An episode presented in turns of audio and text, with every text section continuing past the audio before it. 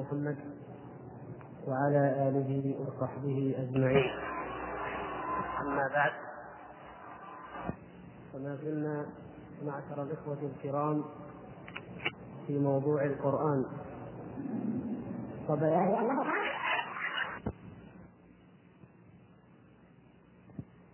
أبو حنيفة رضي الله تعالى عنه والمتقدمون من أصحابه المعتمدون في المذهب.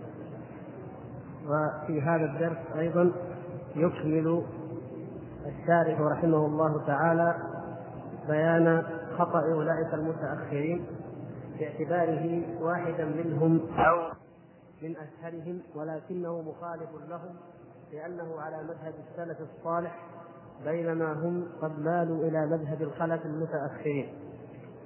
ثم نستطرد إلى نفس القضية التي سبق أن تعرضنا لها وهي مسألة الإطلاقات أو القرآن إذا أطلق بين الإطلاق وبين التقييد على أي شيء يطلق. إذا أطلق على كلام الله عز وجل فماذا يعني ذلك؟ إذا أردنا به ما في المصحف أو أردنا به آه، نفس الكلام في ذات الكلام أي الحروف والأصوات المتكلم بها وغير ذلك من الإطلاقات التي سبق أن تعرضنا لها ولعلنا إن شاء الله في هذه الحلقة أيضا نعيد الحديث عنها. لأنه كما ذكرنا أن الشارح رحمه الله لا ينظم الأفكار متفقة بعضها يتلو بعض وإنما يتداخل كلامه رحمه الله تداخلا يقصر أحيانا الموضوع ويذكره مرتين أو أكثر ويدخل بينه موضوعا آخر. تفضل. عبرت العبرانية فهو توراة. فاختلفت العبارات للكلام قالوا وتسمى هذه العبارات كلام الله مجازا. وهذا الكلام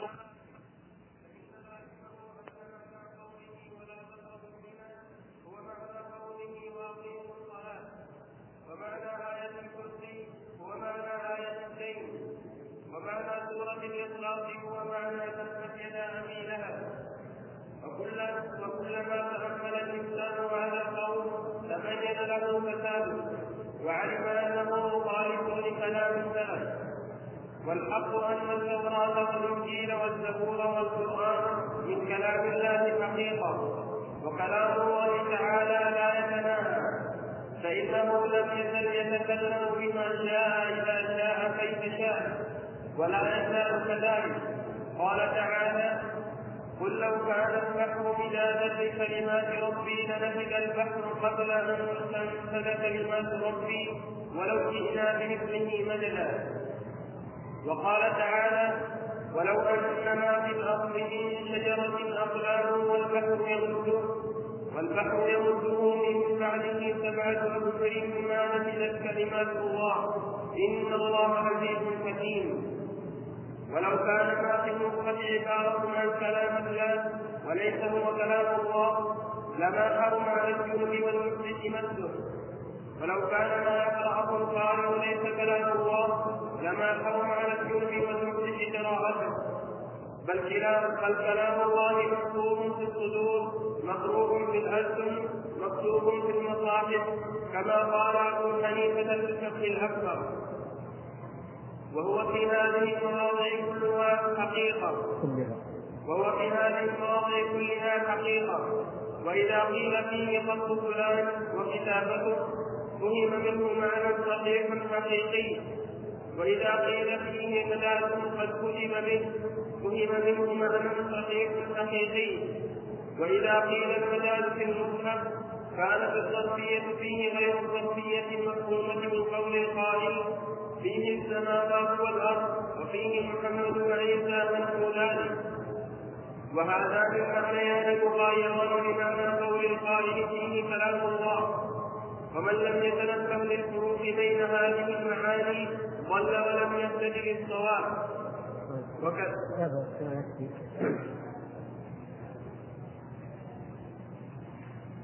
هذا المذهب الذي أشار إليه الشارح رحمه الله ما ذهب إليه كثير من متأخري الحنفية وهو أن القرآن الكريم معنى واحد أو أن كلام الله عز وجل معنى واحد.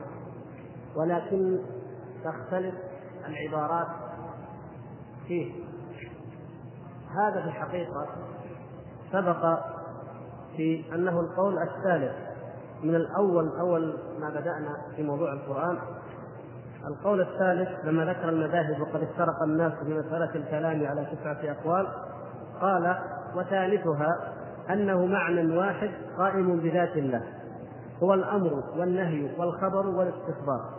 إن عبر عنه بالعربية كان قرآنا وإن عبر عنه بالعبرية كان توراة وهذا قول ابن كلاب ومن وافقه كالأشعري وغيره.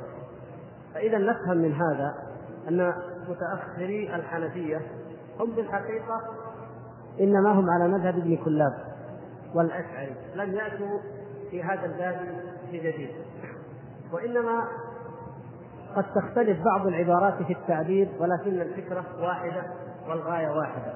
فهم يقولون إن التعدد والتكثر والتجزؤ والتبعد حاصل في الدلالات لا في المدلول. في الدلالات أو في الدلالات حين الدلالة ثلاثية الفاء يعني يمكن نقول دلالة أو دلالة أو دلالة. صحيح. الدلالات هي الألفاظ. الدلالات هي الألفاظ. والمدلول هو المعنى. فيقولون إن التبعد والتكثر حاصل في إيش؟ في الدلالات يعني في, الألفاظ. التي عبر عنها التي عبر عنها. سواء قلنا أن الذي عبر عنها هو جبريل أو عبر عنها محمد صلى الله عليه وسلم أو أن الله عز وجل خلق التعبير عنها. لكن هي في ذاتها شيء واحد. يعني كلام الله عندهم صفة ومعنى معنى قائم بذات الله سبحانه وتعالى. مثل ما سبق مرارا أن أوضحنا لكن العبارات هذه أو الكتب المختلفة التوراة الإنجيل القرآن هذه كتب مختلفة. العبارات تختلف. آية الكرسي مثلا آية الدين قل هو الله أحد ثبت أبي لهب وسب إلى آخر. هذه عبارات هذه أقوال مختلفة. هذه هي التي تختلف يقولون. لكن في الأصل شيء واحد المعنى واحد. لا فرق فيه بين خبر ونهي واستخبار ولا توراة ولا إنجيل ولا قرآن. من حيث الدلالات من حيث المدلول أي المعنى. المعاني واحدة. لكن عند التعبير سواء كان المعبر هو جبريل أو محمد صلى الله عليه وسلم أو أن الله خلق هذا اللفظ الذي هو يعبر عن معناه عن عن كلامه الذي في نفسه وفي ذاته. هنا عند هذا تختلف العبارات وتختلف الدلالات أي الألفاظ. فالعبارات مخلوقة. يقول العبارات مخلوقة. سواء كان كانت خلقا خلقه الله منفصلا أو من كلام جبريل أو محمد صلى الله عليه وسلم فهي مخلوقة. وسميت كلام الله. يقال إن هذا يسمى كلام الله يقولون نعم سميت كلام الله لأنها دالة عليه. لأنها دالة عليه ومؤدية لمعناه. فيفهم يفهم كلام الله الذي هو المعنى النفسي القائم به من خلال هذه العبارات والحكايات والألفاظ الدالة عليه. وتسميتها كلام الله من قبيل المجاز. فالكلام اذا شيء واحد ولكن العبارات تختلف وهي كلها مخلوقة ويطلق عليها كلام الله على سبيل المجاز لأنها تدل على كلام الله عز وجل. هذا ملخص مذهب هؤلاء الحنفية المتأخرين. وهو مذهب غيرهم أيضا كالأشعرية وأمثالهم. وهنا يرد المؤلف عليهم بردود آه، واضحة وسهلة لكل ذي عقل وبصيرة. فيقول هذا الكلام فاسد لأن لازمه لازم هذا القول أن الأمر والنهي المتعارضين المتضادين واحد. مثلا قوله تعالى ولا تقربوا الزنا هذا نهي عن فاحشة من الفواحش العظيمة. فهو معناه هو نفس معنى وأقيموا الصلاة. وهو أمر بواجب وفرض عظيم من أركان الإسلام. فإذا على كلامهم أن المعنى واحد ولكن العبارات تختلف. يكون معنى ولا تقربوا الزنا هو معنى واقيموا الصلاة. هذا لا يقول به عاقل. ولا ولا دليل عليه أصلا. وما الداعي إلى هذا التكلف وإلى هذا التمحل ليس هناك من داع بالحقيقة إلا مأزق كلام اغلوطه كما قال المؤلف رحمه الله. القاها الشيطان في أنفسهم وعجزوا عن جوابها. حتى لا يثبتوا أن الحوادث تحل بالله حتى لا يثبتوا أن الله يثبت كما ان هذا يقتضي المماثله والمشابهه ونحو ذلك من التعللات. ومعنى آية الكرسي هو معنى آية الدين. يعني على هذا الكلام معنى آية الدين هو نفس معنى آية الكرسي لكن العبارات اختلفت. وهذا غير صحيح. تعلمون أن آية الكرسي وهي أفضل وأعظم آية في كتاب الله عز وجل هي في صفات الله عز وجل وآية الدين هي في الأحكام. وكذلك أن معنى سورة الإخلاص قل هو الله أحد الله الصمد لم يلد ولم يولد ولم يكن له كفوا أحد.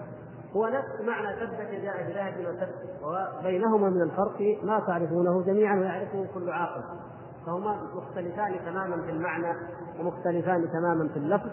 فلا حاجة إلى هذا القول الذي يظهر لمن تأمله سقوطه وبطلانه. وأما التوراة والإنجيل والزبور والقرآن وكلام الله يعني جملة. فيقول الشارح رحمه الله إن هذه الكتب جميعا هي كلام الله عز وجل. فهو تبارك وتعالى لم يزل يتكلم بما شاء كيف يشاء وما يزال يتكلم متى شاء. يتكلم مع ملائكته الذين يصعدون كل يوم إليه جل وعلا بأعمال العباد فيسألهم عنها وهو بها أعلم جل شأنه. ويتكلم مع من شاء من الملائكه الآخرين ويتكلم بالأمر الذي يريد أن يقضيه فتخر الملائكة صاعقا صعقا من خشيته ومن هيبته. وهكذا ثم يوم القيامة يتكلم الله عز وجل أيضا مع من يشاء من عباده. فالكلام كلام الله عز وجل في تكلم بالتوراة وبالإنجيل وبالقرآن وتكلم فيما مضى وما يزال يتكلم فهو صفة فعلية. التكلم صفة فعلية لله عز وجل. يتكلم متى شاء بما شاء كيف يشاء. لكن على كلامه يعني هذا رد عليه في إيش؟ في قوله منه معنى واحد. فهذا المعنى الواحد في الأزل موجود وانتهى كل شيء وإنما تختلف العبارات. فإذ كيف يفسرون اذا أن الله سبحانه وتعالى يتكلم كل يوم متى شاء أو كل يوم ويتكلم يوم القيامة. وتكلم فيما مضى كيف يمكن الجمع بين هذا الذي ثبتت به النصوص وبين قولهم إنه معنى واحد؟ هذا لا يمكن. لكن لو أنهم اتبعوا كلام الله ورسوله وآمنوا بأن هذه النصوص هي الحق والصواب وأنها تدل على أن الكلام صفة فعلية لله سبحانه وتعالى يعني يتكلم متى شاء كيف يشاء بما يشاء لما وقعوا في هذا الخلق. ويستدل المؤلف رحمه الله تعالى على ذلك بقوله تعالى قل لو كان البحر مدادا لكلمات ربي لنفد البحر قبل أن تنفد كلمات ربي ولو جئنا بمثله مددا فكلمات الله تبارك وتعالى لا تتناهى فكيف يجعلون لها معنى واحدا فقط؟ وأيضا قوله تعالى ولو أن ما في الأرض من شجرة اقلام والبحر يمده من بعده سبعة أبصر ما نفدت كلمات الله. إن الله عزيز حكيم. فهو أيضا يدل على أنها لا تتناهى. فكيف تكون معنى واحدا؟ ثم يستدل ببعض الأدلة الفقهية العقلية. يقول لو كان ما في المصحف عبارة عن كلام الله مجرد عبارة عن كلام الله مخلوقة أو قالها أحد من الناس يقولون انها مخلوقة وليست هي هي كلام الله عز وجل نفسه يقول لما حرم على الجنب والمحدث مسه يحرم على الجنب وعلى المحدث مس القرآن لأنه كلام الله. ولو كان مجرد معنى كلام الله عز وجل لما حرم ذلك. فهو إذا كان معنى مخلوق مثل سائر المعاني أو مثل كلام البشر الآخرين المخلوق فلماذا اختص وحده بأنه يحرم على الجنب والمحدث أن يمسه؟ لو أننا جئنا بإنسان وتكلم عن معاني سورة من السور كتب معاني سورة من السور كما يراها وكما يفهمها هو في ورقة. فإن هذه الورقة يمكن لأي إنسان أن يمسها ولو كان أيضا جنبا لأنه ليس فيها كلام الله عز وجل إنما فيها معنى كلام الله عز وجل. أو المعاني التي يدل عليها كلام الله عز وجل. إذا هناك فرق بين بين حقيقة كلام الله عز وجل نفس كلام الله عز وجل وبين معانيه التي يدل عليها. وأيضا يقول لو كان ما يقرأه القارئ ليس كلام الله عز وجل لما حرم على الجنب والمسلم قراءته. وبالذات الجنوب فنفس العبادة نفس الدلالة واحدة. يعني أن الإنسان أنه لو كان هذا القرآن مجرد معاني فالمعاني يجوز أن يقرأها الإنسان على أي حال كان أو أن يمسها. لكن حقيقة كلام الله عز وجل كلام الله الذي هو كلامه الذي في المصحف المقروء فإنه لا يقرأ ولا يمس إلا على طهارة كما هو مذهب المؤلف ورجحه هنا. والمقصود هنا ليس هذا الموضع الفقهي إنما المقصود الاستدلال به على أن كلام الله عز وجل هو حقيقة. كلام الله الذي في المصاحف فهو كلامه على الحقيقة وأما المعاني فهي معاني هذا الكلام وليس ما في المصحف هو معنى الكلام والكلام الحقيقي أو يعني دلالات هذا الكلام والمعنى الحقيقي أو المدلول أو هو في ذات الله سبحانه وتعالى. كما يذهب إلى ذلك متاخرو الخلف عموما. ويقول بل كلام الله محفوظ في الصدور مقروء بالألسن مكتوب في المصاحف. يعني لفظه ومعناه. كلام الله عز وجل بلفظه ومعناه. محفوظ في الصدور ومكتوب في المصائب ومقروء بالألسن. كما قال ذلك أبو حنيفة في الفقه الأكبر. وقد سبق أن قرأنا نص كلام الإمام في الحلقة الماضية. وهو في هذه المواضع كلها حقيقة. الآن يبغى يرد عليه. على قولهم إنه يطلق عليه كلام الله على سبيل المجاز وليس كلام الله حقيقة. فيرد عليهم بقول إن القرآن في هذه الثلاثة الحالات حالة كونه في المصاحف مكتوبا أو بالألسن مقروءا أو في الصدور محفوظا هو كلام الله عز وجل عن الحقيقة. ولكن تختلف الإطلاقات. هو حقيقة هنا وهنا وهنا. لكن الإطلاقات تختلف. ما المراد بقولنا كلام الله من حيث كتابته؟ أي من حيث نطقه أو من حيث حفظه فيقول إذا قيل فيه خط فلان وكتابته فهم منه معنى صحيح حقيقي. لو قلنا إن هذا القرآن كلام الله مثلا. وهذا هو خط فلان مثلا مصطفى نظيف أو حداد أو غير ذلك من الخطاطين فإذا قلنا هذا خط فلان هذا المعنى حقيقي ليس مجاز. حقيقي أن هذا الخطاط كتب كلام الله عز وجل وهو أيضا كلام الله على الحقيقة لأنه هو الذي كما بينا الكلام يقال أو ينسب إلى من قاله. من قاله مبتدئا. فالله عز وجل هو الذي قاله مبتدئا. فنقول كلام الله لأنه هو الذي قال وتكلم به سبحانه وتعالى وهذا كلام حقيقي لا مجاز فيه. ونقول هذا خط فلان وهذا الكلام حقيقه أيضا لا مجاز فيه لأننا نعني العملية نفسها عملية رسم المصحف وإذا قيل فيه وإذا قيل فيه مداد قد كتب به فهم منه معنى صحيح حقيقي.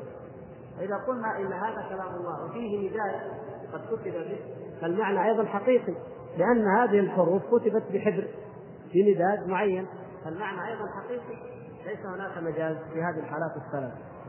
وإذا قيل المداد في المصحف يقولنا المداد في المصحف لماذا جاء جاء الشارع بهذه العبارة؟ هناك الأشعرية والماتريدية والمتأخرون عموما من الخلف يقولون للسلف نلزمكم بأحد قولين إما أن تقولوا مثل قولنا إن القرآن مخلوق. وإما أن أن تقولوا بكلام الحلولية. فأنتم إذا حلولية. كيف كيف نكون حلولية؟ كيف يكون أهل السنة والجماعة حلولية؟ قالوا تقولون ان ما في المصحف كلام الله. اذا اذا كلام الله الذي هو صفة الله يحل في المصحف. اذا أنتم حلولية. هذه شبهة الشيطان ألقاها على أولئك. ولكن ردها من أسهل ومن أبسط ما يمكن. فيتطرق لها الشارح هنا رحمه الله في هذا وفي بقية كلامه. فيقول إذا قيل المداد في المصحف المداد مخلوق يقول نعم مخلوق. طيب المداد في المصحف هذا صحيح؟ يقول نعم صحيح. طيب كلام الله في المصحف يقول نعم. طيب كلام الله مخلوق؟ يقول لا. يقول ليش فرقتم بينهما؟ يقول كلمة في الظرفية تختلف. تختلف من كلمة إلى كلمة ومن معنى إلى معنى وهي كلها حقيقية وهي كلها صحيحة. فإذا قلنا المداد في المصحف الظرفية هنا حقيقية لأن الظرف في اللغة العربية هو؟ الوعاء أو المكان. يعني ظرف الظرف زمان أو مكان فالظرفية كأن شيء يحوي أو يعي و يستوعبه أو يستوعب يكون حالا فيه مكانا أو زمانا. نعم. المداد الذي هو الحبر في المصحف لأن هذا القرآن الذي هو كلام الله كتب بمداد إذا هذا إطلاق حقيقي. لكن هذا الإطلاق يختلف عن قولنا القرآن فيه السماوات والأرض وفيه محمد وفيه عيسى ونحو ذلك. لماذا؟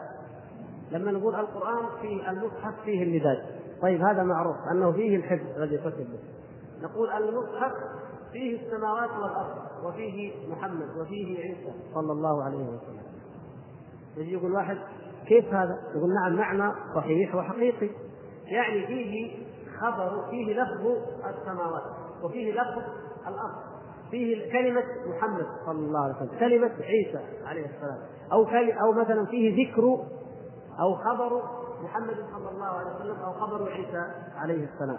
فهنا كلمة في موجودة لكن لها هنا معنى ولها هنا معنى آخر.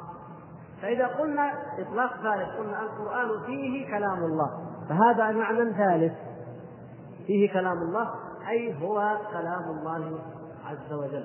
مثل ما لو جئنا بكتاب مثلا ديوان شعر أن العرب أشهر شيء عندهم الشعر من الكلام. وقلنا هذا الكلام فيه شعر امرئ الخير أو قال واحد هذا شعر امرئ الخير الكلام صحيح في كلا الحالتين لأنه ديوانه الذي فيه شعر. يقول فيه شعره هذا صحيح. لأن كلامه الذي قال مكتوب في هذا الديوان. أو قلت هذا هذا كلام ابن الخير أيضا الكلام صحيح ولا مجاز فيه.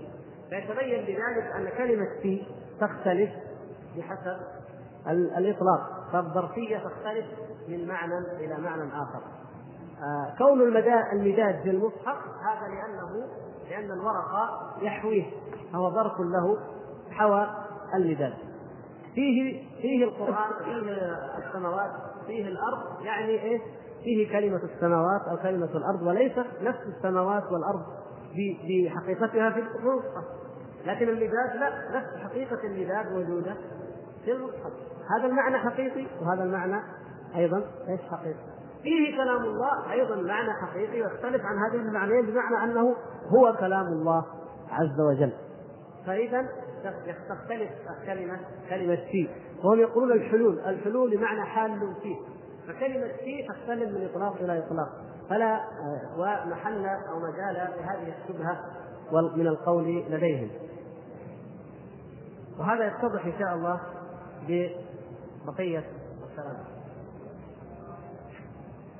وكذلك الفرق. وكذلك الفرق بين القراءة التي هي فعل القارئ والمقروء الذي هو قول الباقي. من لم يهتد له فهو ضال أيضا. ولو أن الإنسان وجد في ورقه مكتوبه ألا كل شيء ما خلا الله باطل من خط كاتب معروف لقال هذا من كلام نبي حقيقة وهذا خط فلان حقيقة وهذا كل شيء حقيقة. وهذا خبر حقيقة ولا تشتبه هذه الحقيقة بالأخرى. طيب يعني هذا المثال جاء به وسبقت الإشارة إليه أن هناك فرق بين القراءة وبين المقروء. القراءة والمقروء. يطلق على كلام الله على القراءة وعلى المقروء كما سيأتي أيضا بعد قليل. ثم ذكر هذا المثال الذي فيه عدة معاني كلها حقيقة ليس واحدا منها مجاز وهي البيت المشهور البيت المشهور عن النبي. على كل شيء ما خلا الله باطله. وهي التي قال فيها النبي صلى الله عليه وسلم أصدق كلمة قالها شاعر كلمة لبيد الا كل شيء ما خلا الله باطله. فيقول لو أن إنسانا وجد هذه الورق وجد هذا البيت وجد هذه الكلمة في ورقة مكتوب. الا كل شيء ما خلا الله باطله. فقال هذا كلام لبيد لكان هذا الكلام حقيقة لأنها شعره الذي قاله. هذا البيت هو الذي قاله وهو الذي أنشأه والذي ابتدأه. فهذا كلام حقيقة. مثل ما نقول في القرآن أنه كلام الله عز وجل لأنه هو الذي قاله وتكلم به وابتدأه. ويقال أحد وهذا خط فلان. يكون أيضا حقيقة. هذا خط فلان يعني أحد الطلاب أو المدرسين كتب هذه الكلمة من كلام نبيل وضعها في الورقة وهذا إطلاق أيضا حقيقي وليس فيه مجاز وإذا قال وهذا كل شيء حقيقة كل شيء حقيقة إيش معناها؟ يعني معناها كلمة كل شيء موجودة فيشير إلى إيش؟ يشير إلى اللفظة لا يشير إلى أنه كل الأشياء التي خلقها الله في هذه الورقة. لا المقصود هنا إيش؟ العبارة كلمة كل شيء.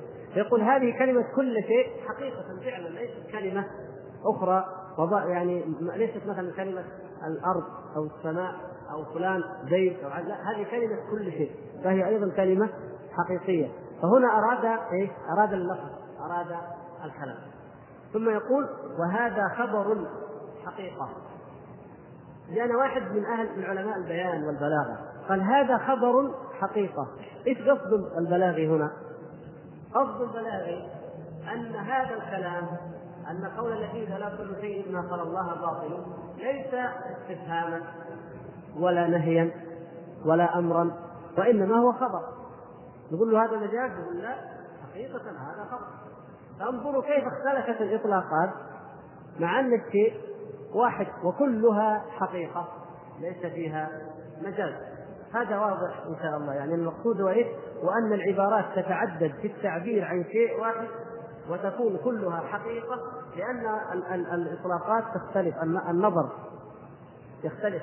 في حالة ننظر إلى المعنى في حالة ننظر إلى اللفظ في حالة ننظر إلى الكلام من حيث الذي أنشأه أول مرة في حالة ننظر إلى الكلام من حيث الذي كتبه وهكذا. فبحسب تحدد هذه الحالات يتعدد الكلام. وكله بجميع الحالات حقيقة. إذا كلام الله عز وجل هو كلام الله حقيقة أيضا.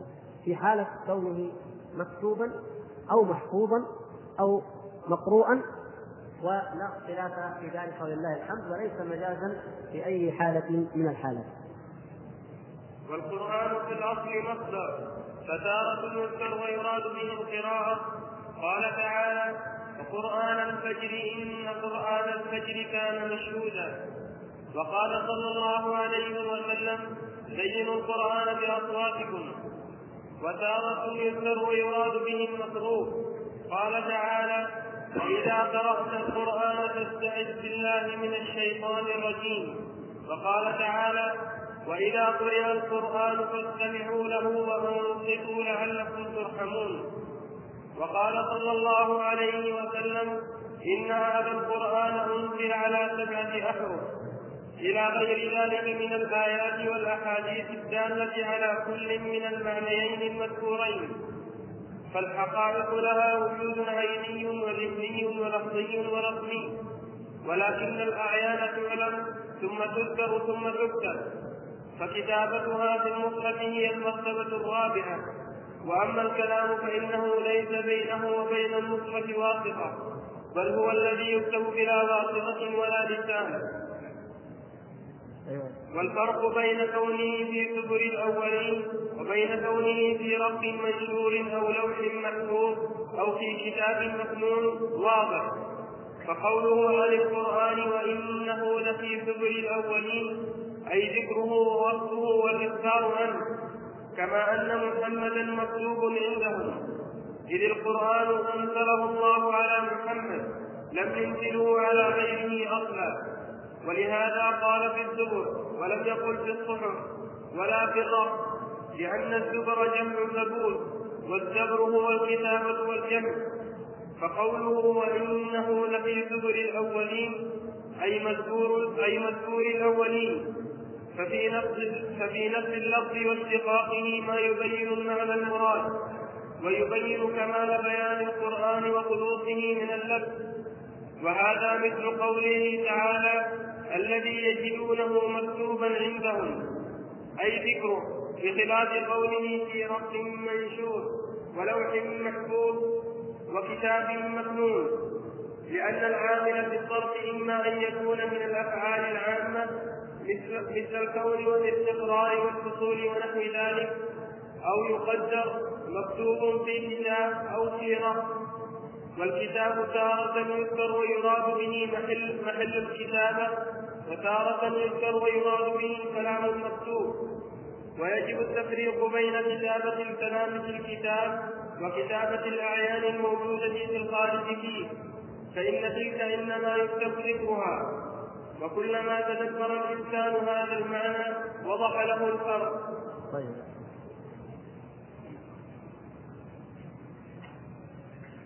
القرآن في الأصل مصدر. مصدر. معروف تعريف المصدر. فتارة يذكر هذا المصدر ويراد به القراءة وتارة يذكر ويراد به المقروء. وهذا موجود في كلام العرب. القرآن بمعناه الاصطلاحي الذي هو كلام الله عز وجل المقروء. هذا معروف أنه لم يعرف إلا بعد نزول الوحي على نبينا محمد صلى الله عليه وسلم لكن كلمة قرآن موجودة في كلام العرب من قبل إذا ما معناها؟ معناها؟ القراءة القراءة كانت موجودة في كلام العرب من قبل فيقصدون بها القراءة كلمة قرأ قرآنا أو قرأ قراءة مترادفتين. المعنى واحد. ومن ذلك قول الشاعر ضحوا بأشمط عنوان السجود له تقطع الليل تسبيحا وقرآنا. فهذا الشاعر يتكلم أو يصف أمير المؤمنين عثمان رضي الله تعالى عنه لما قتله أولئك الثوار الفجره الظلمة المعتدون. فيقول ضحوا باشمط عنوان السجود له. يقطع الليل تسبيحا وقرانا. يعني يمضي يمضي ليله يمضي ليله تسبيحا وقراءة. يسبح الله عز وجل يذكر الله تبارك وتعالى ويقرأ القرآن يتلو القرآن. وذلك قتلوه رضي الله تعالى عنه والمصحف بين يديه وهو يتلو كتاب الله عز وجل. أي يقطع الليل قراءة. هذا البيت جار على كلام العربي المعروف قبل نزول القرآن. أنه بمعنى القراءة وإن كان الشاعر إسلاميا أو قال في الإسلام فالمقصود أنه في لغة العرب يطلق القرآن على القراءة. لكن بعد نزول القرآن وتسميته بهذا الاسم غلبت كلمة القرآن عند الناس وفي أذهانهم على أنها المقصود بها هو كلام الله أي ما في المصحف. أما من حيث اللغة فيطلق القراءة يصح أن تستخدم كلمة قرآن بمعنى القراءة. فتقول مثلا قرآني لهذا الشيء أي قراءتي لهذا الشيء ولا حرج في ذلك من حيث اللغة جائز حتى من حيث الشرع يعني ليس هذا محرم لكن لاشتهار القرآن حتى أصبح علما على كتاب الله عز وجل فلا تستخدم هذه الكلمة يعني أهملت من من الاستعمال وإلا فهي جائزة وصحيحة. والمقصود أن القرآن يطلق ويراد به القراءة وقد جاء ذلك أيضا في القرآن. كما قال الله تبارك وتعالى وقرآن الفجر إن قرآن الفجر كان مشهودا. أي قراءته. فليس المقصود هو المصحف الكتاب الذي هو كلام الله وإنما قراءة القرآن. وقوله صلى الله عليه وسلم زينوا القرآن بأصواتكم. المقصود زينوا قراءتكم للقرآن. بأصواتكم بأن يقرأه الإنسان محسنا مزودا مرتلا وتارة يذكر ويراد به المقروء وهذا هو الغالب وهذا هو الذي يطلق عليه القرآن. القرآن بمعنى المقروء الذي هو كلام الله الذي نقرأه. كقوله تعالى فإذا قرأت القرآن فاستعذ بالله من الشيطان الرجيم. يعني إذا ابتدأت تقرأ القرآن فالقرآن هنا بمعنى؟ المقروء الذي سوف تقرأه من كلام الله عز وجل. ابدأه بالاستعاذة بالله من الشيطان الرجيم. وإذا قرئ القرآن فاستمعوا له وأنصتوا لعلكم ترحمون. فمعروف أنه سماع المقروء إذا أحد إن أحد قرأ كلام الله عز وجل فأنصت له واستمع واستمع. وقوله صلى الله عليه وسلم إن هذا القرآن أنزل على سبعة أحرف. كما تعلمون معناه إن هذا القرآن يقرأ أو مقروء بسبعة أحرف. تقرؤونه بسبعة أحرف. فالمقصود هنا هو إيش؟ هو المقروء. وهذا المعنى أيضا واضح إن شاء الله. فهناك يعني آيات وأحاديث تدل على أن هناك فرقا بين هذين المعنيين بين القرآن بمعنى القراءة وبين القرآن بمعنى المقروء.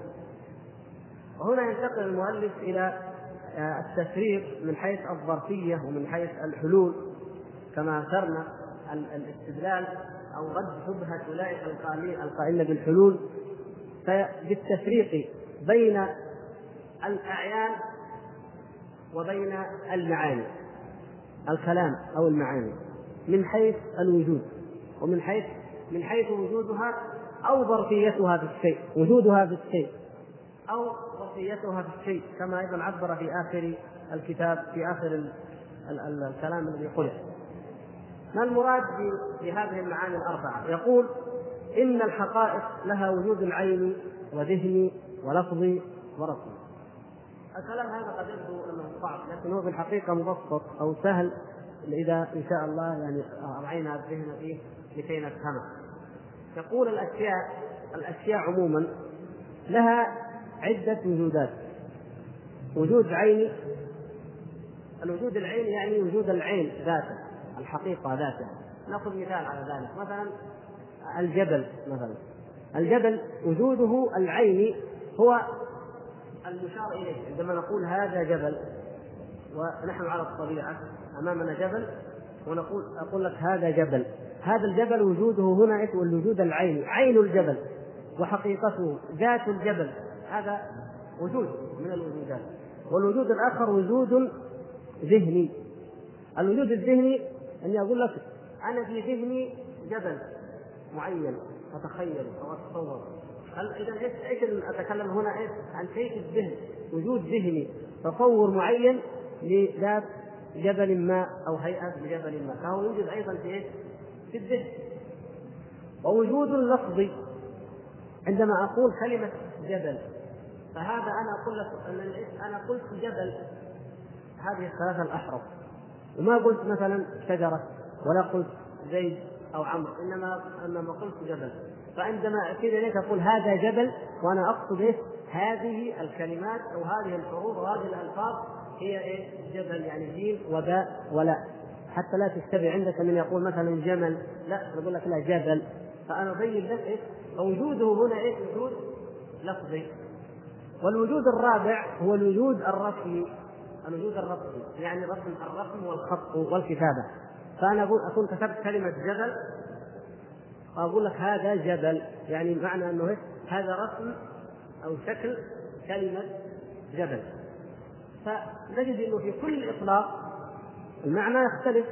هنا له معنى وهنا له معنى وهنا له معنى. لكن في المجموع الكلام كله صحيح وكله حقيقي. وليس فيه مجاز. لكن يقول إيش؟ الأعيان تعلم يعني الأعيان الحقيقية الخارجية تعلم ثم تذكر ثم تكتب. فكتابتها في المصحف هي المرتبة الرابعة. يعني طبعا ثم تلفظ لكن المقصود إيش هنا؟ أنه يعني يجب أن نفهم من كلمة ثم ليست بالضرورة. يعني ليس بالضرورة أنها أنها ترتيب مراتب أربع. لكن نقول الأعيان الموجودات كالجبل مثل ما قلنا إيش؟ الجبل يعلم يعني يوجد في الخارج ويعلم بمعنى أنه يتصور حقيقته في الذهن ويذكر يعني ينطق به على اللسان وإيش؟ ويكتب فله أربع حالات أو أربع تعينات في الوجود هذا هو المقصود يعني كلمة ثم قد توهم لأنه كأنها مراتب أربع لا بد أن تمر كل واحدة بما قبلها فكتابتها في المصحف أو في الصحف هي المرتبة الرابعة. يعني هي إيش؟ الوجود الرابع من أنواع الوجود ولا أكثر من ذلك. يقول أما الكلام فإنه ليس بينه وبين المصحف واسطة بل هو الذي يكتب بلا واسطة ولا لسان. يعني المقصود أن الكلام ليس له وجود عين. الوجود العيني غير موجود. ليس هو مخلوق متشخص قائم بذاته نسير إليه؟ نقول هذا هو الكلام. لما نسير يقول لك هذا هو الكلام لابد ان إيه؟ أشير فقط إما إلى اللفظ الذي أنا أتكلم به يعني الوجود اللفظي وإما إلى الوجود الرسمي الذي هو الكتابة أو الحروف. فأقول لك هذا كلام فلان يعني الذي أنطق به أو هذا كلام فلان الذي هو إيه؟ مكتوب. فلا واسطة يعني بين هذا وذاك يعني ليس له وجود حقيقي بذاته. فزي ما قال هنا في الأخير يقول الكتاب يذكر تارة ويراد به محل الكتابة وتارة يذكر ويراد به الكلام المكتوب. ويجب التفريق بين كتابة الكلام في الكتاب كتابة الكلام في الكتاب وكتابة الأعيان الموجودة في الخارج. لما أبغى أنا أكتب جبل إما أن أرسم مثلا فرضا أو أكتب أرسم نفس الكلمة كلمة جبل أكتبها. فهذا عين موجودة في الخارج. ها؟ لكن يعني المقصود هنا إيش؟ فإن تلك إنما يكتب ذكرها. يعني هل يمكن نقول أنه آه، كتابة الجبل أو كتابة السماء أو كتابة الأرض أو كون الأرض أو السماء أو الجبل في في كتاب إيش معنى؟ معناه ذكرها أو لفظها أو حروفها فقط. الحروف التي يتكون منها وليس حقيقتها العينية. أما الكلام فإن حقيقته هي التي تكتب. يعني الكلام نفسه يكتب لأنه ينطق من اللسان فيكتب في الكتاب كما هو. فيطلق على المكتوب ويطلق على المنطوق فهذا واضح المخالفة للأعيان. فنقول إذا إذا قالوا أنكم تقولون بالحلول فنقول لا. فرق بين الحقائق العينية بين الأعيان المتشخصة الذوات المتعينة في الخارج وبين العبارات أو بين الكلام. فالكلام يطلق على ما هو اللفظ وهو؟ المكتوب. إما أن يتلفظ به وإما أن يكتب وليس هناك وجود له وجود خارجي متشخص. فإذا قلنا كتبنا كلام فلان فمعنى ذلك أننا نقلناه من لفظه الذي تكلم به إلى الواقع لكن الأعيان إذا قلنا كتبت الجبل أو كتبت السماء. أو كتبت الأرض. أو كتبت زيت. ومعنى ذلك أني كتبت اللفظ أو الاسم الذي يدل على زيت. الوجود إيش؟ الرسمي أو اللفظي فقط. فكتبت الوجود إيش؟ الرسمي الذي عبر عبرنا عنه بالوجود اللفظي والذي هو في الحقيقة تعبير عن إيش؟ عن شخص حاجة حقيقية موجودة. اذا لما يقولون القرآن كلام الله يقولون هم لا القرآن عبارة عن كلام الله. وهذا المكتوب أو هذا الملفوظ ليس هو كلام الله وإنما كلام الله شيء آخر. فاذا هم الذين تصوروا وافترضوا كأن القرآن ذات مشخصة موجودة في الخارج. فلما أردنا أن نذكرها أو نضعها في المصحف نقلنا كتبنا لفظها وجودها اللفظي أو وجودها الرسمي. وهذا واضح البطلان. فإن القرآن أو الكلام في الجملة حتى كلام الناس في الجملة ليس له وجود عيني متشخص وليس ذات خارجية حقيقية. وإنما هو مباشرة من من المتكلم إلى الورق. هذا يعني هو المقصود من هذه العبارات. طيب يقولون أيضا الإطلاقات أو الظرفية. يقولون الذين يقولون إن القرآن مخلوق أو المخالفون لعقيدة أهل السنة والجماعة يقولون أن القرآن جاء فيه أنه في زبر الأولين وإنه لفي زبر الأولين وأنه في رق منشور وأنه في لوح محفوظ وأنه في كتاب مكنون فما كيف إذا تطلقون؟ هذا حلول. ونقول أنتم لا تفهمون. أنتم لا تفهمون معاني كلام الله عز وجل. فالإطلاقات تختلف. له في كل إطلاق هنا في كل موضع له معنى الإطلاق على له معنى غير المعنى الذي أطلقناه عليه في الموضع الآخر. فقوله تعالى وإنه لفي زبر الاولين لا يعني أن القرآن نفسه كلام الله عز وجل هو موجود بنفس نفس الكلام موجود في زبر الأولين أي في مزبورهم كما وضح المؤلف. يعني الزبر هي الصحف. ليس معنى ذلك أنه موجودا هو القرآن في كتب الأولين أو في صحفهم أو في زبورهم. إنما معنى ذلك انه موجود فيه خبره وذكره. كما يقول كما قال الله تبارك وتعالى عن نبينا محمد صلى الله عليه وسلم الذي يجدونه مكتوبا عنده في التوراة. يجدون خبر النبي صلى الله عليه وسلم مكتوبا عنده في التوراة. أيضا يجدون خبر القرآن مكتوبا عندهم في زبر الأولين وفي صحف الأولين. وأما وأما كونه في رق منشور أو في لوح محفوظ أو في كتاب مكنون فايضا يقول إيه؟ هنا بحسب العامل. معلوم في اللغة العربية أن الظرف يقدر له عامل. العامل هذا قد يكون عاما الأفعال العامة مثل الكون والاستقرار الفصول معنى هذا بسيط جدا يا أخوان. إيش معنى الألفاظ الكون ولا؟ يعني يقول إذا قلنا محمد في المسجد النحويون يقدرون أن في المسجد الجار والمجرور متعلق بفعل من افعال كون عام. يعني محمد يكون في المسجد. محمد مستقر في المسجد. محمد حاصل في المسجد.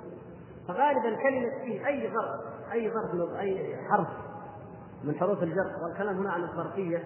في طبعا حرف جر لكنها تدل على إيش؟ على الظرفية. واللام للملكية مثلا. وعلى العلو كل كل حرف جر له معنى. فالفي هنا الظرفية هنا إيش؟ تختلف بحسب العامل المعلق به. قد يكون العامل فعلا عاما الكون والاستقرار. وهذا هو الغالب. يعني في إمكانك في أي وقت من الأوقات تجد كلمة في أن تقدر كائن أو يكون أو يستقر أو يحصل أي كلمة عامة جدا. وتقول في هذا جار ومجرور متعلق بفعل هو استقر أو حصل أو كان في إمكانك هذا في أي كلمة. أحيانا لا يكون المعنى أدق. يعني بحيث أنك تعلق تعلق الجار والمجرور. قال رسول الله صلى الله عليه وسلم إن هذا القرآن أنزل على سبعة أحرف. هل هذا الفهم صحيح؟ افيدونا جزاكم الله خيرا. أنه لفظ واحد ولكنه قرئ على سبعة قراءات. طبعا هذا الحديث صحيح. آه، ما معنى السبعة الأحرف؟ فيها خلاف. والأرجح منها الخلاصة أن الله سبحانه وتعالى قد أنزل القرآن على سبعة أوجه. يعني ليس هناك أكثر من سبعة. إنما كل معنى أو كل لفظة من الألفاظ ممكن أن تكون لفظة أخرى أو ثانية أو ثالثة إلى سبعة أوجه كما يقول العرب هلم وتعالى وأقبل إلى آخره. يعني عدة معاني عدة أوجه ولكنها كلها تؤدي إلى معنى واحد بحيث أن هذه الأوجه لا تزيد عن سبع يعني لا يمكن أن نجد في القرآن موضع قرئ بأكثر من سبعة أوجه. هذا هو الغاية غاية ما قرئ. والنبي صلى الله عليه وسلم بلغ هذه الأوجه أخذها عنه الصحابة ثم أخذها عنهم مشاهير القراء المعروفين. ولذلك نجد في الآية الواحدة عدة قراءات أو في الكلمة الواحدة عدة قراءات. قد يكون هناك وجهان وقد يكون ثلاثة أوجه لكن لا لا تزيد في أي حال من الأحوال عن سبعة أوجه.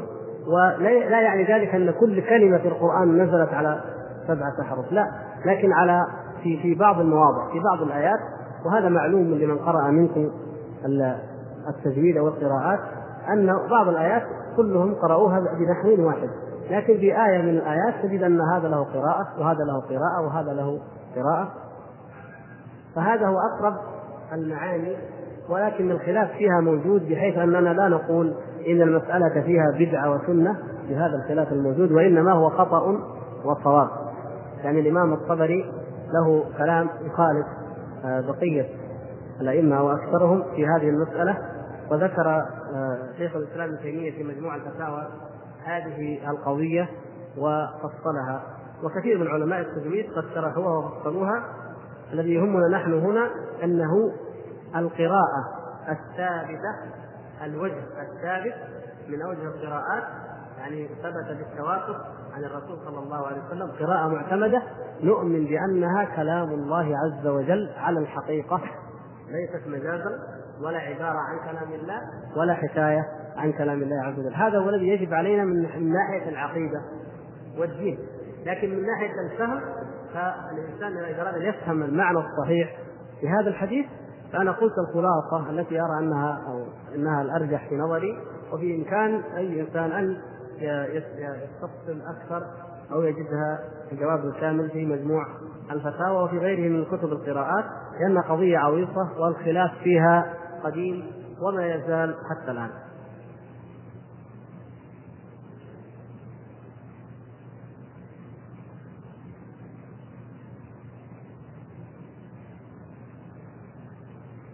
يقول الأخ قلت إن المجاز يقتضي نفس نفي اللفظ الظاهر والعدول إلى معنى آخر.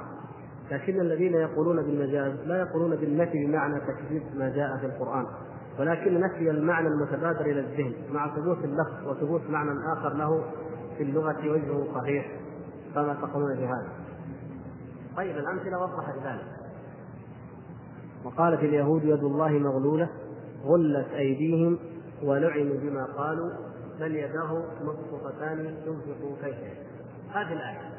ذكرناها كمثال طبق هذا الكلام عليها. يقول نحن لا نكذب الله لما ننفي المعنى المتبادر للذهن.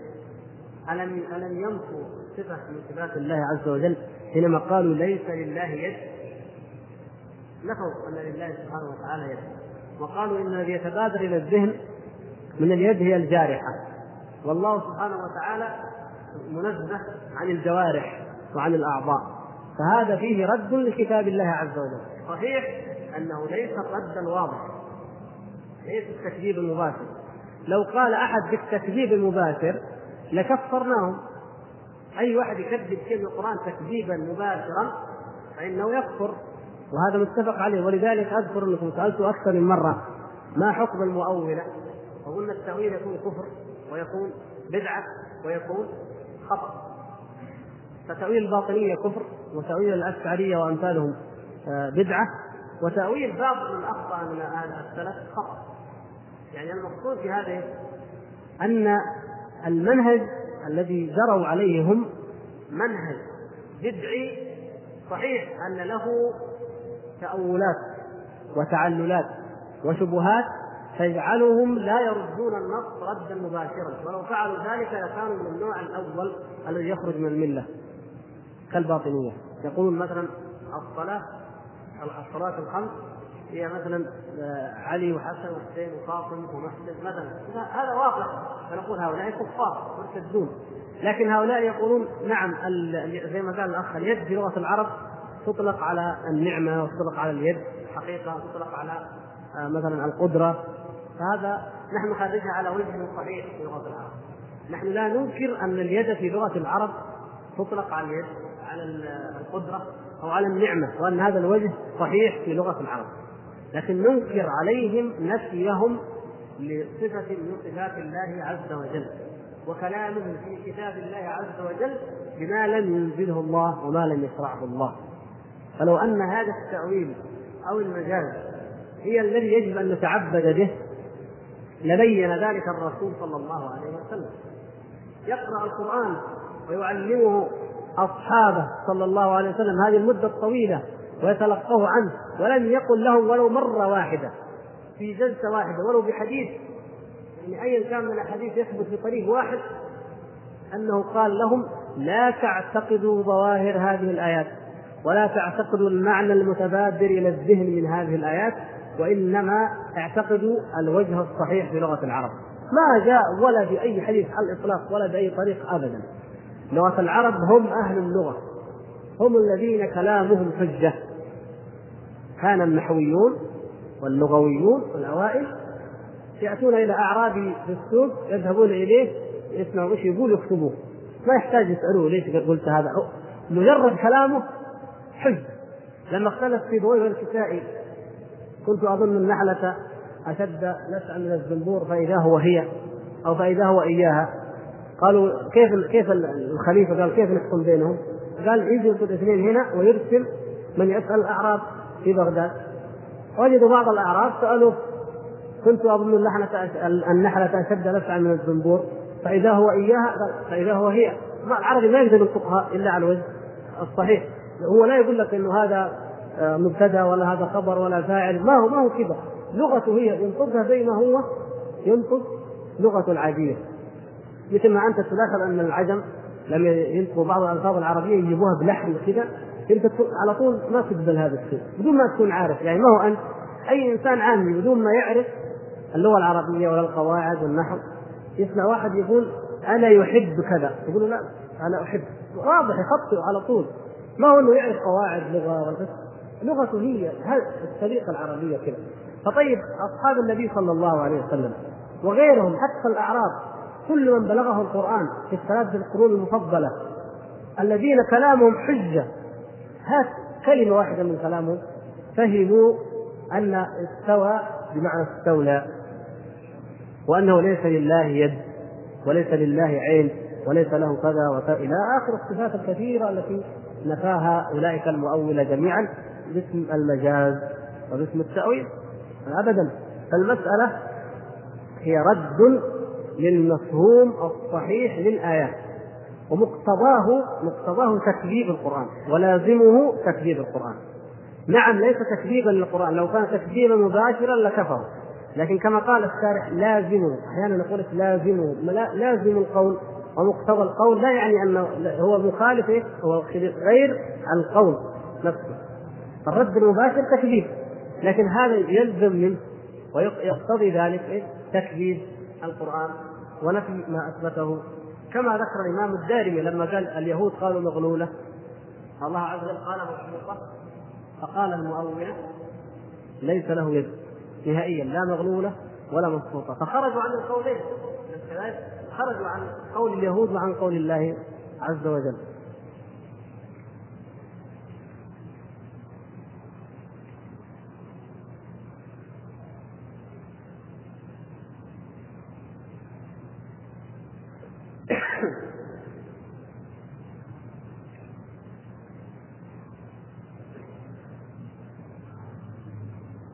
هذا الاخوان جزاهم الله خير يريدون ما وعدنا به إن شاء الله نفي به.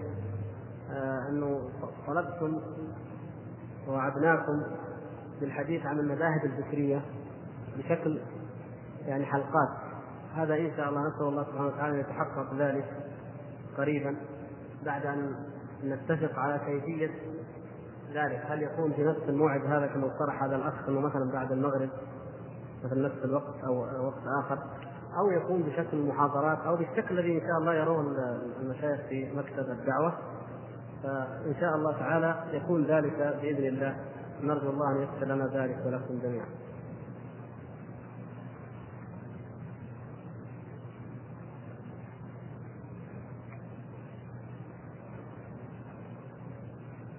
أخ يسأل سؤال. هل ابليس بقيامه بهذا الدور في حياة الناس له علاقة بنظام خلق هذا الكون وهذه الحياة. وإذا كان إبليس أصلا الله جل جلاله أوجده هل وجوده له علاقة بوجود النار وعقاب الظالمين والمنحرفين فيما بعد هذه الحياة؟ السؤال الثاني هل إبليس فعلا له المقدرة في انه يستطيع أن يجري مع الدورة الدموية؟ وهذا الإبليس كان معد أصلا أو موجود يعني قبل خلق آدم في القيام بهذا الدور في سيناريو هذه الحياة. المهم يعني الأخ يسأل الجواب عنه ليس ببعيد عما قلنا لما سأل عن حكمة الله عز وجل في كذا في كونه يتكلم بالعربية أو جعل قرآنه باللغة العربية. الله سبحانه وتعالى اقتضت حكمته. ونحن نطلع على الحكمة. نأخذ منها العبر. نستوعبها. ولكن لا نعلم ولا نجري ذلك وفق ما تفهمه عقولنا القاصرة نحن. الله سبحانه وتعالى من حكمته خلق إبليس وأوجده. وأوجد الشر أوجد الخير وأوجد الشر. خلق الجنة وخلق النار. خلق الطائعين وخلق العاصين خلق المؤمنين وخلق الكافرين. وله في ذلك حكم عظيمة جليلة. الإنسان خلق مختارا مريدا. هكذا خلقه الله عز وجل. إنا هديناه السبيل إما شاكرا وإما كفورا. والإنسان عندما يختار وعندما يريد ويحاسب وفق ما اختاره هو وأراده وانتهجه ما الذي يجعله هناك مرجحات أو دواعي ترجح أن الإرادة تفعل كذا أو أنها لا تفعل كذا؟ حكمة الله عز وجل أنه جعل للخير أو لإرادة الخير مادة تمده وهي الكتاب والسنة الحق الهدى الذي يرسل الله سبحانه وتعالى الرسل ينزل الكتب يهدي الفطر العقول السليمة إليه. هذه مادة تمد بالخير. وهناك مادة تمد بالشر بعكس ذلك بخلاف ذلك. حتى يعني تكون الحكمة هنا أن الإنسان هو بنفسه يرجع هذا على هذا فيختار أن يطيع فيدخل الجنة ويكون من المطيعين. بناء عليه على اختياره هو وعلى إرادته هو. والا ما الفرق بينه وبين الملائكة؟ الملائكة لا يعصون الله ما أمرهم ويفعلون ما يؤمرون. فلا يحتاج لا لا لا يوسوس لهم الشيطان ولا يجري منهم مجرى الدم ولا يحتاجون أن يتحصنوا منه أو يخافوا منه لم يسلط عليهم أصلا. اذا هذا خلق الله ملائكة. وخلق الله عز وجل المرض الشياطين وهؤلاء شر محض. أولئك خير محض. وهؤلاء شر محض. فلا تنفذ إليهم الهداية. ولا نتخيل أو نتصور أنه ممكن أن يهتدوا الشياطين.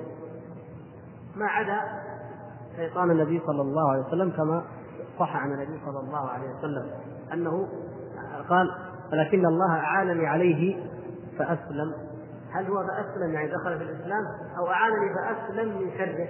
هذه وقع خلاف لكن الشاهد أن المردة شياطين المردة هذا شر محض لا يتوقع منه الخير في العموم والجملة. والله عز وجل خلق الإنسان خلقا ثالثا هذا خلق ثالث. ليس شرا محضا ولا خيرا محضا لكن يقبل ذلك وذلك. ممكن أن يكون فيهم الأنبياء من البشر كما كان النبي صلى الله عليه وسلم وغيره من الأنبياء فهم يفضلون حتى على الملائكة. ولو في قول من الأقوال. وممكن أن يكون فيهم من هو شر من الشياطين. بل سماهم الله عز وجل الشياطين كاليهود. وإذا خلوا إلى شياطينهم اذا إذا خلا المنافقون إلى اليهود. فسماهم شياطين وهم كذلك. فيكون في في في, في الجنس البشري من يبلغ قمة الخير ومن يبلغ صغير الشر. الحكمة هذه أرادها الله سبحانه وتعالى. وأراد أن يكون مصدر هذا الشر هو هذا المخلوق اللعين الرجيم إبليس أعاذنا الله وإياكم من شره. ولذلك فإنه ترصد للإنسان الأول آدم عليه السلام. ترصد له منذ أن خلقه الله عز وجل. وذكر الله عز وجل ما دار في بين بين آدم وبين إبليس وكيف أغواه وأغراه وأخرجه من الجنة؟ لما أكل الشجرة وعصى ربه سبحانه وتعالى ثم نزل إلى الأرض لأنها هي المستقر. إني جاعل في الأرض خليفة. لكم فيها مستقر ومتاع إلى حين. هذا أيضا وفق قدر الله عز وجل الكوني وحكمته التي لا نحيط بها علما. نحن نكون في الأرض ونعيش في هذه الأرض. فتكفل هو سبحانه وتعالى لنا بإنزال الهدى.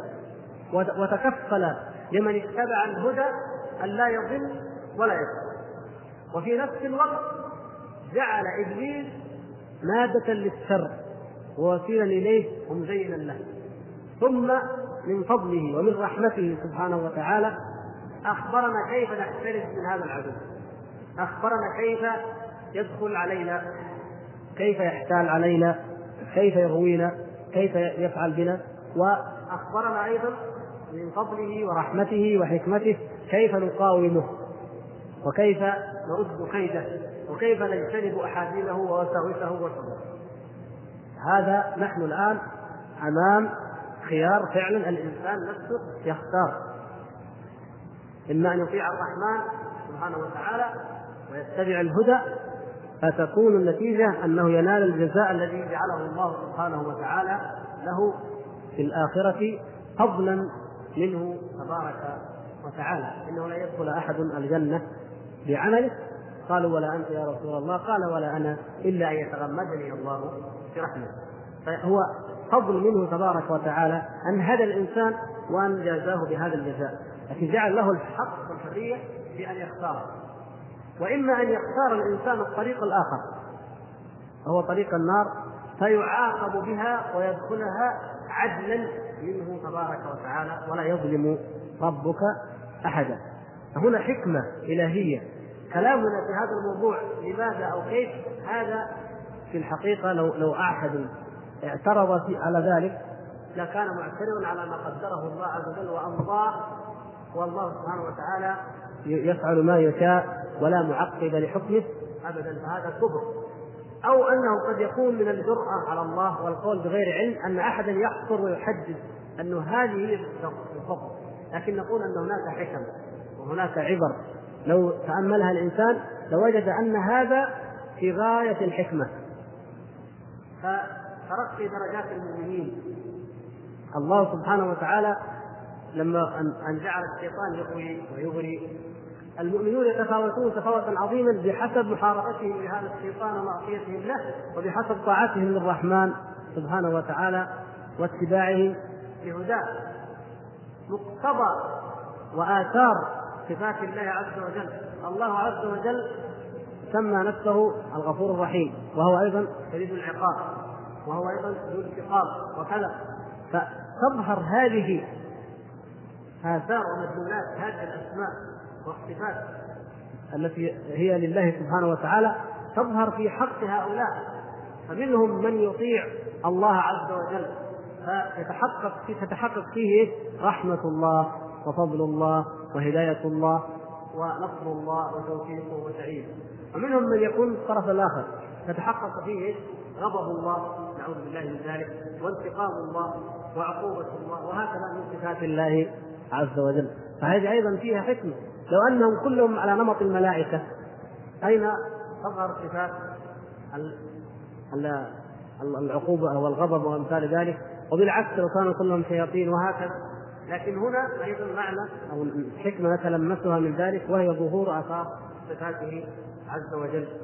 وهذا الإنسان العجيب هذا المخلوق العجيب الإنسان قد متفرد عن جميع المخلوقات بأمور عجيبة لا يشترك فيها غيره.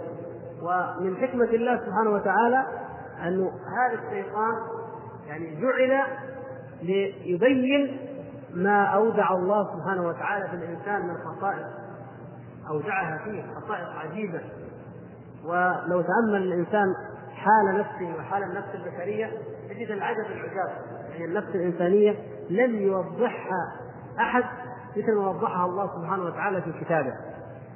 الإنسان يتقلب بين الإيمان وبين الشك بين القلوب وبين اليأس بين الخوف وبين الرجاء. شيء عجيب هذا المخلوق. والشيطان يأتي بالقنوط وياتي بالرجاء وياتي بالشك وياتي يعني من خلال هذا الاحتكاك تظهر حقيقة النفس الإنسانية وما أودع الله سبحانه وتعالى في هذه النفس وإمكانية أنها تترقى حتى تصل إلى درجة الإحسان إلى درجة الكمال في العبادة والتقوى والخير. أو العكس فالحقيقة أن الحكم طويلة ولا يتسع لها المجال وإنما علينا أولا أن نسلم بما أخبر الله بما أمر الله وقضى وقدر. مثلا دخول الشيطان في الدورة الدموية.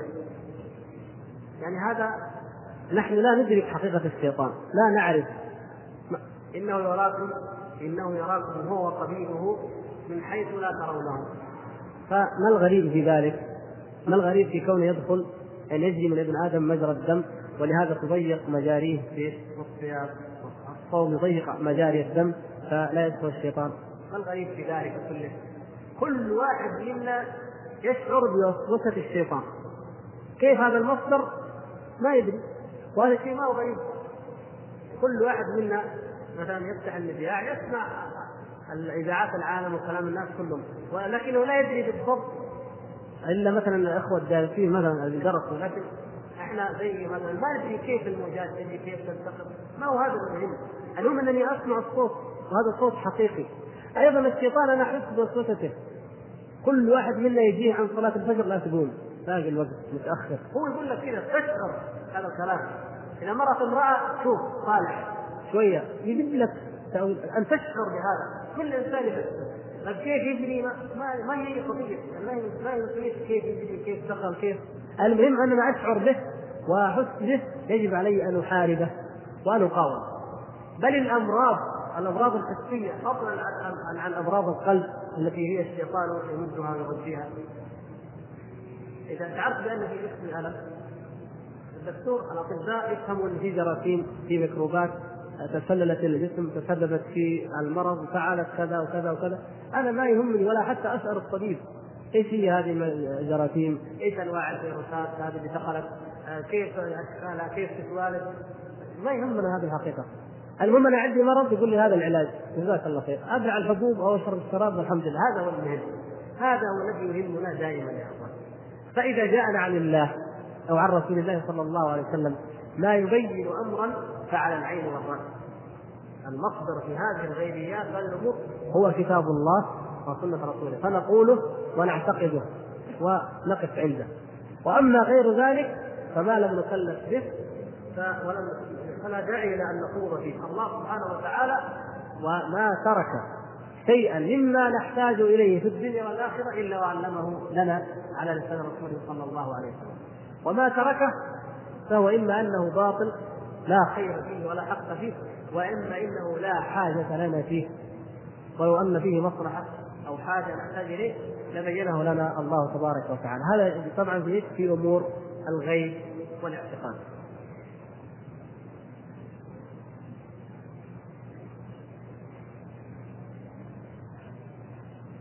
موضوع ترك الصلاة الحقيقة يعني دائما يكرره الإخوة. هل يجوز؟ ما حكم الصلاة على من يترك على تارك الصلاة سواء كان تاركها تكاسلا أو جاحدا زبدة القول في هذا أن الصحيح بل الذي أجمع عليه أصحاب النبي صلى الله عليه وسلم أن ترك الصلاة كفر. مجرد الترك. ترك الصلاة كفر يخرج العبد من الإيمان إلى الكفر يخرجه عن دائرة الإسلام نهائيا وقد ذكرنا بعض أو كثيرا من الأدلة ويوجد ذلك في إيه؟ الآن في أن النبي صلى الله عليه وسلم عبر عن ترك الصلاة بلفظ الكفر بين العبد وبين الكفر أو الشرك في رواية أخرى ترك الصلاة بينما عبر عن الأمور الأخرى مثل قتال المسلم المسلم أو في أو ما أشبهه به في كلمة كفر وليس الكفر. فما يسمى كفرا أصغر جاء في الأحاديث بغير الألف واللام التي يعرف بها التي تطلق على الكفر المعرف بالألف واللام أي المعبود المعروف. كما قال صلى الله عليه وسلم سباب المسلم فسوق وقتاله كفر. ولم يقل الكفر. وقال لا ترجعوا بعد كفارا يضرب بعضكم رقاب بعض هذه هذا هنا كفر أصغر أو كفر لا يخرج من الملة. لكن بين العبد وبين الكفر ترك الصلاة. هذا الكفر أي المعهود المعروف. أيضا من تركها فقد كفر. العهد الذي بيننا وبينهم الصلاة. فمن تركها فقد كفر. وهذا أيضا شرط وجوابه. من تركها فقد كفر. بيننا وبينهم يعني بين المسلمين وبين الكفار. من تركها فقد كفر. النبي صلى الله عليه وسلم هم أن يحرق على من يصلي في البيت بيته. أن من يتخلف عن صلاة الجماعة لولا ما في بيوتهم من الذرية من النساء والذرية لهم أن يحرق عليهم بيوتهم كما صح ذلك عنه صلى الله عليه وسلم. في تخلفهم عن صلاة الجماعة فكيف يكون تارك الصلاة. يقول النبي صلى الله عليه وسلم لما سئل عن قتال أئمة الظلم والجور أو الأئمة الذين يهتدون بغير هديه ويقصدون بغير سنته قالوا يا رسول الله أفلا نقاتلهم؟ قال لا إلا أن تروا كفرا سواحا عندكم فيه من الله برهان. في رواية هكذا اللفظ. في رواية أخرى صحيحة قال لا ما صلوا. لا ما صلوا. إذا الصلاة ترك الصلاة كفر بواح عندنا فيه من الله برهان. الله سبحانه وتعالى في سورة التوبة وهي آخر الآيات فيها من آخر ما نزل لأنها نزلت بعد غزوة تبوك والنبي صلى الله عليه وسلم كما تعلمون ما ما عاش بعدها إلا فترة محدودة. فهي بلا شك من أواخر الآيات وفيها نص من حيث أحكام الجهاد صدر سورة التوبة نسخ جميع ما قبله من أحكام ومن معاملات الكفار والمشركين. قال فيها فإن تابوا وأقاموا الصلاة وآتوا الزكاة فإخوانكم في الدين. ومعنى ذلك أن من لم يتب أي من لم يؤمن ولم يقم الصلاة ولم يؤدي الزكاة فليس له أخوة في الدين فهو إذا كافر. وقال في الآية الأخرى فإن تابوا وأقاموا الصلاة وآتوا الزكاة فخلوا سبيلهم. المقصود أن ترك الصلاة أدلة كثيرة تدل على أنه كفر ومن ذلك إجماع الصحابة رضوان الله تعالى عليهم كما رواه عبد الله بن المغفل عنهم ورواه عبد الله بن شقيق وهو من التابعين عن الصحابة رضي الله تعالى عنهم أنهم كانوا ما كانوا يرون شيئا تركه كفر تركه كفر إلا الصلاة. فهذا إجماع. ومعنى ذلك أن تارك الصلاة لا نستفصل نقول هل تركها تكاسلا أو هل تركها جاحدا كما يقول ذلك الفقهاء المتأخرون. حتى أن شيخ الإسلام ابن تيمية في الإيمان وفي غيره أثبت أن هذا الكلام يعني في كتاب الإيمان أن هذا القول من آثار مذهب الإرجاء لأن الإمام أبو حنيفة الذي قال بهذا القول كان على مذهب القول بأن الإيمان هو الاعتقاد والإقرار ولا يدخل الأعمال في الإيمان فهذا أثر من آثار الإرجاء بخلاف غيره من الأئمة حتى الإمام الشافعي. ليس كما يقال إنه مذهب الشافعيه الآن المعمول به نعم ان ترك الصلاة ليس كفر لكن الإمام نفسه الرواية الأصح عنه أنه يرى أن تاركه تاركها يكفر. المقصود يا إخوان تارك الصلاة لا تفصل ولكن ما دام أن هذا الخلاف قد وجد وما دام أن أصل أمر المسلمين هو على الحكم. مستور الحال. فمن علمته أنت أنت من علمته أنت تاركا للصلاة فإنه لا يجوز لك أن تصلي عليه. لا يجوز أن تصلي عليه لأنه كافر. لكن لا يلزمك أنك تقول للناس اتركوا الصلاة عليه لأنه كافر. أصل المرء لن تنفعه صلاتهم ما دام عند الله عز وجل كافرا. لكن الإشكال هنا يعني قضيتين أنت لا يجوز لك أن تصلي عليه. هذا واضح. ما تصلي عليه ابدا. ولا غرابه في هذا لأنك قد تترك الصلاة على شارب الخمر. ونحن متفقون أنه ليس بكافر. مجرد أنه شارب خمر. قد تتركها على إنسان متخلف عن صلاة الجماعة. هذا يجوز كما قد وضحنا ذلك في مرة سابقة. يجوز للإمام أو للرجل المقتدى به في الدين أو العالم أو ما أشبه ذلك الداعي الذي له كلمته قيمه أن يهجر بعض الناس يهجرهم يهجر يترك الصلاة خلفهم